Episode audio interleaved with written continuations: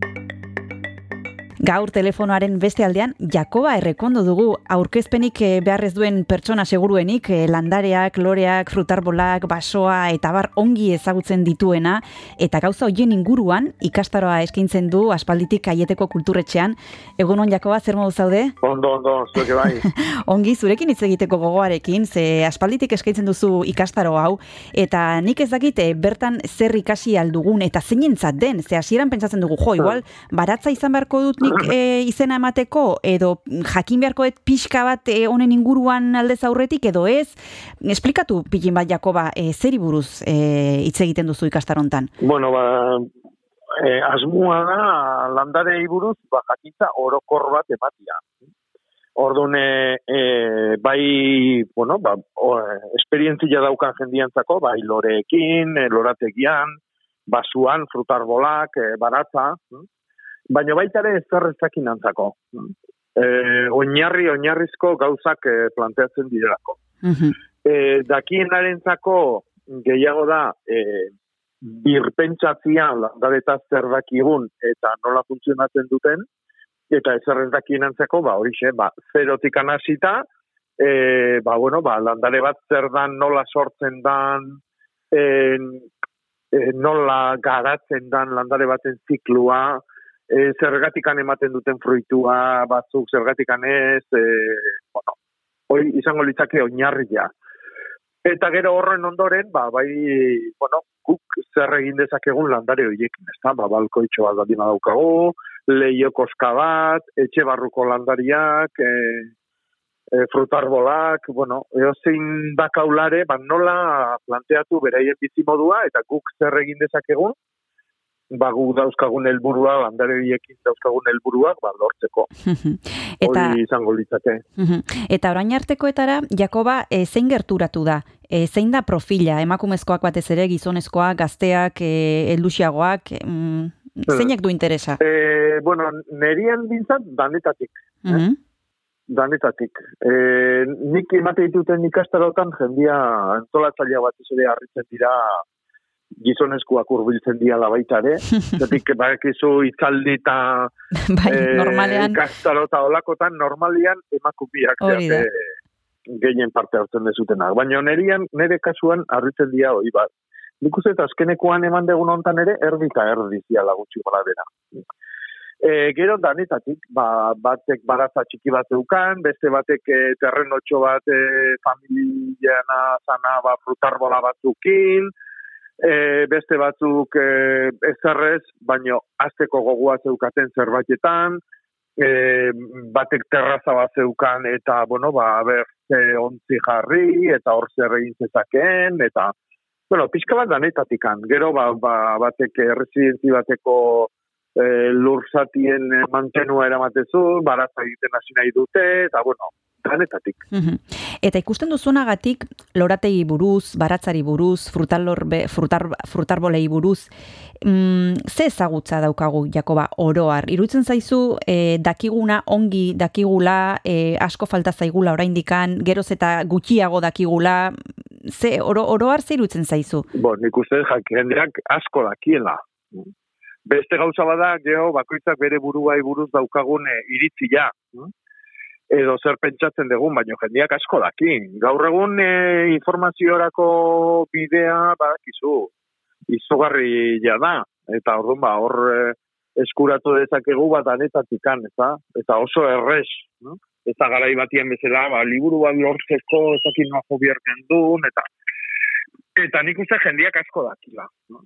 Oain, e, jendiak nahi du arrazoitu, eta hori da nere ustez garrantzitsuna, eta zetik zu e, jakin dezakezu gabe da, gure amonak hola egiten zu hau. E, Baina, gaur egun nola arrazoitzen dugu hori egitea, edo ez egitea, ez da? Eta nik uste hortan e, klabe politiak ateratzen dirala ikastaruan, ez da? Zetik ikastaruan gehiena egiten deguna da, hasieran nik lehen esan duten, e, oinarri horiek ematen ditugu, baina gero da batez ere jendearen galdera galderak eta zalantzak. Zertik, bakoitzak gure zalantzak dazka, gordun. E, askoz interesgarrigoa da, nik e, egunero area jun ikastaroa eta nire sermoia gota berrien, ba, asko da, jendeak bere gaiak planteatzia, eta horren ingurun itzeitia, eta azken finean, danoi interesatzen da espigu bestek dauzkaten zalantza. Bai. Hmm. Eta horragian sortzen dire gauza interesgarrienak, ez Jakoba, zezuk aipatu dituzu gaur egun e, informazioa lortzeko moduak badirela, eta hmm. oso erreski lortu aldegu, ba, kasi edo zer gauza, ez? Baina bai, presentzialtasunak bai. ere badu beste plus bat, igual e, ondokoak galdetzen duena zuri balio dizu, eta bueno, hor sortzen da beste gauza bat internetek ez duena, ez? Bai, eta gero baitare nik uste eh, izkuntzak ulermeneako beste bide batzuk hartzen ditula. ez da berdina gauzak eh, eh, interneten ba, frantzesez edo inglesez irakurri, edo gazteleraz, eta oze ulertzen desun hizkuntza horretan, eta edo euskera segitia. Ez da, ez da berdina inolare. Eta ez hori bakarri, baizik eta e, hizkuntza bakoitzak mundua eta bueno, lurra batez ere ulertzeko arkitektura bat planteatzen dizu. Ez? Adibidez ez da berdina, e, baratza esan edo huerta esan. Bi gauza era bat ezberdina dira. Itzu, ezin dira itzuli bata bestearekin. Eta guri, ba, askotan iritzeko, ba, ala, ala. Ez? Baina, hori ulertzea nire ustez oso, oso importantia da. Eta hori presentzialtasunak ematen du, eta baita ere ematen du ba, bideo horrekin, ba, geho, bakoitzak beria, beria lantzeko ere. Zatik, e, askotan irakurtzen ditugunean kanpoko gauzak, e, joera daukagu gurera ekartzeko zuzenian, ez da? E, itzuli egiten ditugu gure gure balatzera, edo. Eta ez da, ez da berdina inolare. E, ingles batek idazten dunean baratzai buruz, e, ezin da, esan, ba, hori aplikatu daitekela hemen, edo italiano batek idazten dunean, ez da?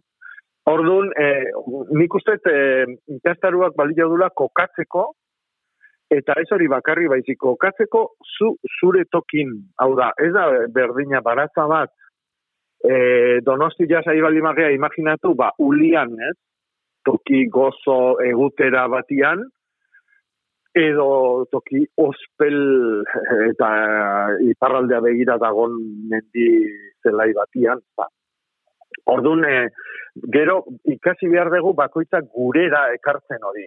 Eta or, orduan ja ez da kulturan konzeptu bat, baizik eta kokapena eta hori da politiena, baita ez. Hori ikastea eta hori egin dezakegula jakitea. ba, orain bertan jarraituko dugu Jakoba errekondorekin hitz egiten, tartetxo bat hartuko dugu eta segituan gara bueltan.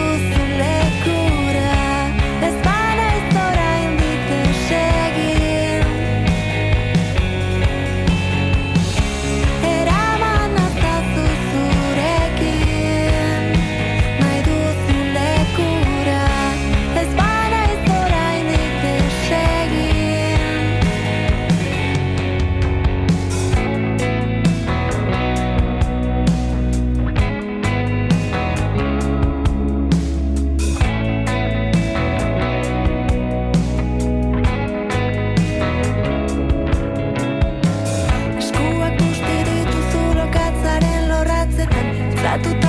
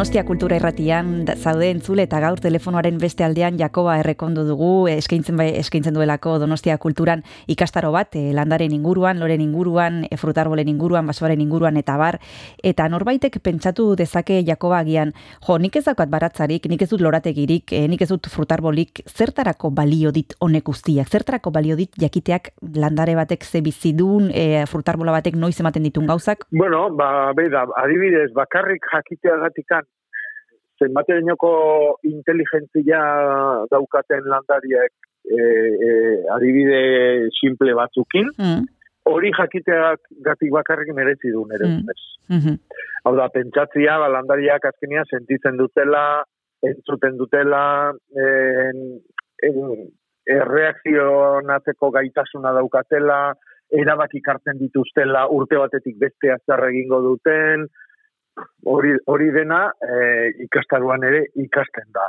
Horren, horre bakarrik ere, balioko luke, bo, bueno, nire ustez hori oso interesgarria da. Hmm, hmm. Eta gero, Jakoba, badaude azken aldiontan eta horrekin agian lotu daiteke, e, azken aldiontan nahi ari gara kontzeptu batzuk ez, asko, e, garaikoa, tokikoa, e, ekologikoa, eta nik ezakit e, hoien inguruan e, moda bat sortu den, badaon fundamentorik e, zer utzen zaizu? Ba, nik zalantzaik ez daukat. Eh? Mm, jaten deguna da gero guri bizi ematen diguna. Eta bizi hori, e, janari hori zenbat eta bizigua eta zenbat eta kalitate odegokua izan, ba, gure bizimodua eta gure gorputza hogeto biziko da, eh? eta bizi modua hobia izango da. E, orduan argitan garbi jakin behar dugu bertakua eta sasoikua jan behar degula. Hori zalantzari gabe. Hori da lehenengua. Orduan ingurun daukaguna e, eta horrek ekartzen dizkigu bimuga. Bai tokila eta bai denbora. Orduan gu jaten nahi bali magea, imaginatu, gu orain eguarrik laister dia, ez da? Ba, bueno, gure supermerkatutan gereziak azalduko dia. Ego, ego herritan. Eta hori pentsatu beharko dugu ba, gerezi horiek nundi dato zen, da? Ze prozesu eman dian gerezi horiek ez usteltzeko bidean, e, ze gora berak izan dituzten garraioan, e, bueno, eta hori, badaki, hori janezkeo, gure gorputzerako txarra dala, ez? Orduan, eh, ez dakit, eh, nik uste hori oinarri oinarrizkoa dala. Garai batian, ba, beti eduki dugu sensazioa, ba, guk nahi dugu nahi egiten. No, ba, dirua daukago eta gure diruak nahi dugu nahi. Vale, oso ondo. Oso ondo, baino kontuz, ospitala ere urbil euki, eh? Orduan, nerezako bertakua eta sasoikua oso, oso, oso importantia Eta urrengo urratsa izango litzake ekologikoa.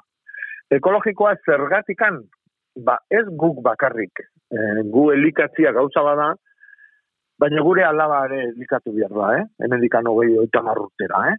Eta horren ba, bere ze lur uste nahi gean, ze uraren kalidadea uste nahi gean, ze aire arnastuko dun, eh? eta horren hori, nekazaritza industrialak ez du bermatzen. Ez du bermatzen ez gainetikan badakigu zer egiten egin gure ikurupenak. Orduan, nire iritziz, ba, zalantzai gabe, bertakua eta sasoikua, eta ekologikoa. Horren inguruan hitze eingo dugu oraintxe bertan Jakoba Errekondorekin kontzeptu oso interesgarriak aipatu dituelako eta emango luke eztabaida luze baterako elaburri hitze eingo dugu hien inguruan, e, baina jarraian izango da tarte bat hartu behar dugulako.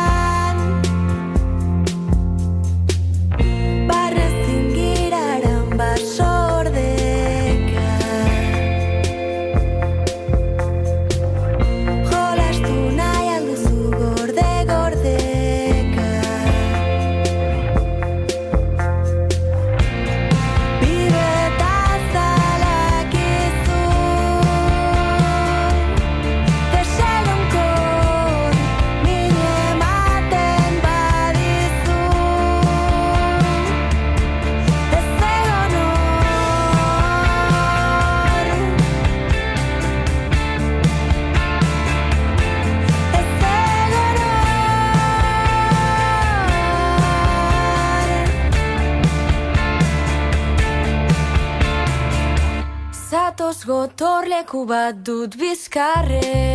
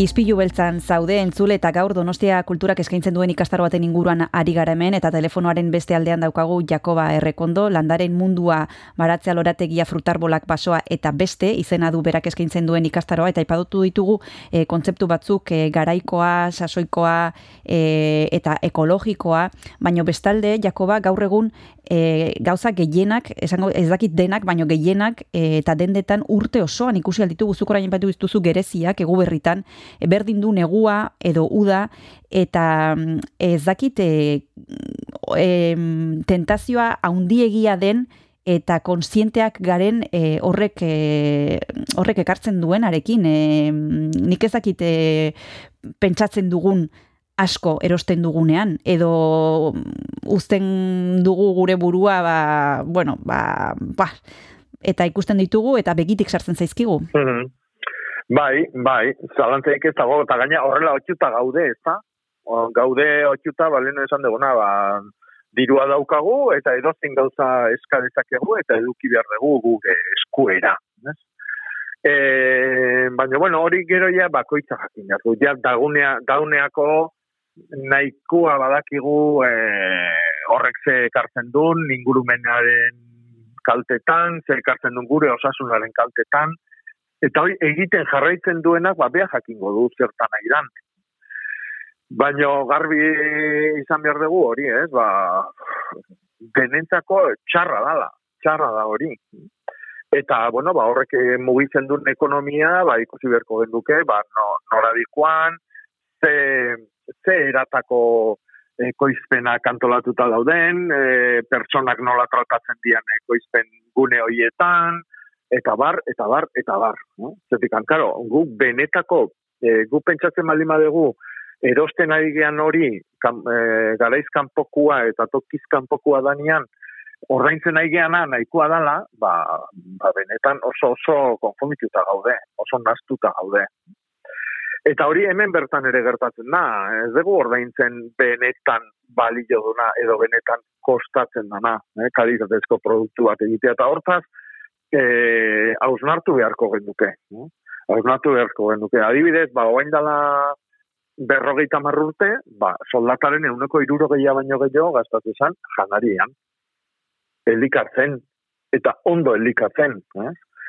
Gaur egun, ba, soldataren zati oso oso txiki bat, guten zaigu janaria, janaritan gastatzera, beste gauza batzutan gastatzen dugu. Orduan, karo, badakigu gure bizitza kalidadian zertan inbertitzen ari geran.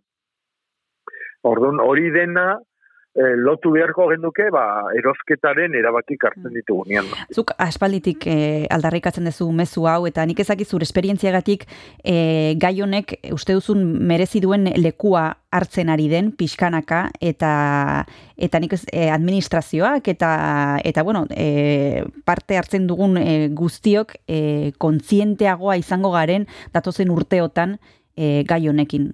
Baikorra, zara, Jakoba? E, bai, bai, bai, bai, bai, bai, bai, korra naiz. Bueno, badago jendia, ba, bere aldea idana, eta bere patrikaren aldea idana, eta bar, baina nik uste, e, e, kalean gero eta kontzientzi nik somatzen dut, honen inguruan, no? Gero eta ez? ba, kontsumo elkartiak, baratza, herri baratzak, e, bueno, nik uste jendia, gero eta gero eta informatuagoa dago, gero eta gehiago daki zerran kalidadia, eta, bai, bai, nik uste, e, baikor, ni bintzat baikorra naiz, bai.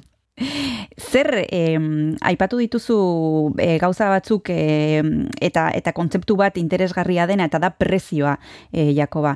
E, batzutan e, ekologikoa e, bueno, es, ekologikoak esan nahi du garestia eta bueno, gaur egun beste gauza batzuetan aipatu duzu gastatzen dugula dirua, besteak beste etxe bizitzan.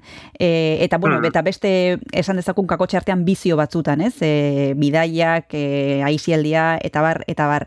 E, nola jakin e, pagatzen ari garena e, justua dela? Bueno, e, zu pentsatu, ez? Adibidez, nik e, Durangoko azoka laister izango dugu, Mm. eta Durangoko azokan gure gure salgunea inguratzen dian guzti di, nik letxulandare bat oparitzen dira. Letxulandare hoi, abenduan landatzen balima ezu, ba, balkoian, edo terrazan, edo daukasun lore, loreontzi batian, jango dezu apirilian. Eh? Lau hilebete. Zuk pentsatu beharko ezu ba, lau hilebete kosta balima da letxu hori ekartzen, zaindu egin dezu, behira eontzea, e, e, arazorik izan ez dezan, ez gaitzik, ez izurriterik, eta gero plazara jun eta saltzen dezu letxu hori euro batian, eta etortzen zaizu persona bat, eta hain zaizu, esaten, ez, ez, euro bat ez, laro isentima mango eskutu letxu horren gatik. Eta zu lau hilebete atxuzea letxu hori zaintzen, Orduan, e, horrelako baloriak dira jendiai erakutsi behar zaskitonak. Adibidez, oaintxe, oain dela gutxi argitaratu da, ba, Gipuzkoa mailan egin ikerketa bat, e, produktu ekologikoaren, produktu ekologikoak sortzia daukan kostua buruz. Beste gauza bada, e, gero produktu horre daukan prezioa. Eta generalian, kostuaren azpitzik saltzen ari da. Horrek zesan nahi du, ba, nekazaria idala galtzen edo nekazaria ari da, ba, bere lanorduak, ba, ia-ia doainik ematen. Orduan, bat da, kostua eta prezioa, eta bestia da baloria. Produktu horrek daukan baloria. Orduan, guk e, produktu ekologikoak erosten nahi genean, balore erantzi izugarrik ematen nahi gea. Eta da, batez ere, gure etorkizunaren, gure ondorengoen bizitza kalidadia. Eta hori beste nekazaritza klase edo zeinek inork ez du ematen. Orduan, hor garbi oki behar dau. E, ekologikoa garesti da, ez, eske bestia da e, zurkeri bat. Eta, karo, zurkeri bat nola arraio lortzen da. Ba, ingurumena txikituz, ez? Adibidez, ondakinak e, nola ala erabilita, e, e, legez kanpoko produktuak erabilita, eta bar, eta bar, eta bar, eta bar. Orduan, e, kostua prezioa eta baloria bere izi behar ditugu, eta gero gu, gure kontzientzia, haber nun gauden gu, eta gu hor, kate horretan zer egiteko pres gauden. Eta ni beti esate jo jendia, pentsatu zure alabakin. Zure alabaren bizimodua ez pentsatu. Gauza bat ere bai, Jakoba, eta beste e, zera bat e, sartzearren, e, guk normalean gutxi nahi, gutxi ordandu nahi izaten dugu, baina aldiz asko kobratu nahi izaten dugu, ez? Eta gure lana Mhm. duin e, ordaintzea nahi dugu, e, gure lantegietan, Bai. e, gure lanetan, baina gero ordaintzerako garaian e, kostatu egiten zaigu, segun eta zer e, baita ere, ze bueno, e, batzutan e, bi euro terdi pagatu izan dugu e, ebaki bat, edo kubata bat, e, amar euro ez, e, eta bueno, hor e, badire segun eta ze gauza, e, errexago pagatzen ditugu beste batzuk baino, aldiz guk nahi dugu gure lana ongi ordaindua izatea, hor lanketa handi bat dago ere bai, ez? E, zer den e, merkea, zer den garestia. Bai, noski, noski. Noski, bai, bai, bai, hor- hori garbi dago. Nik esan dizun horri ezankat zer erantzitik.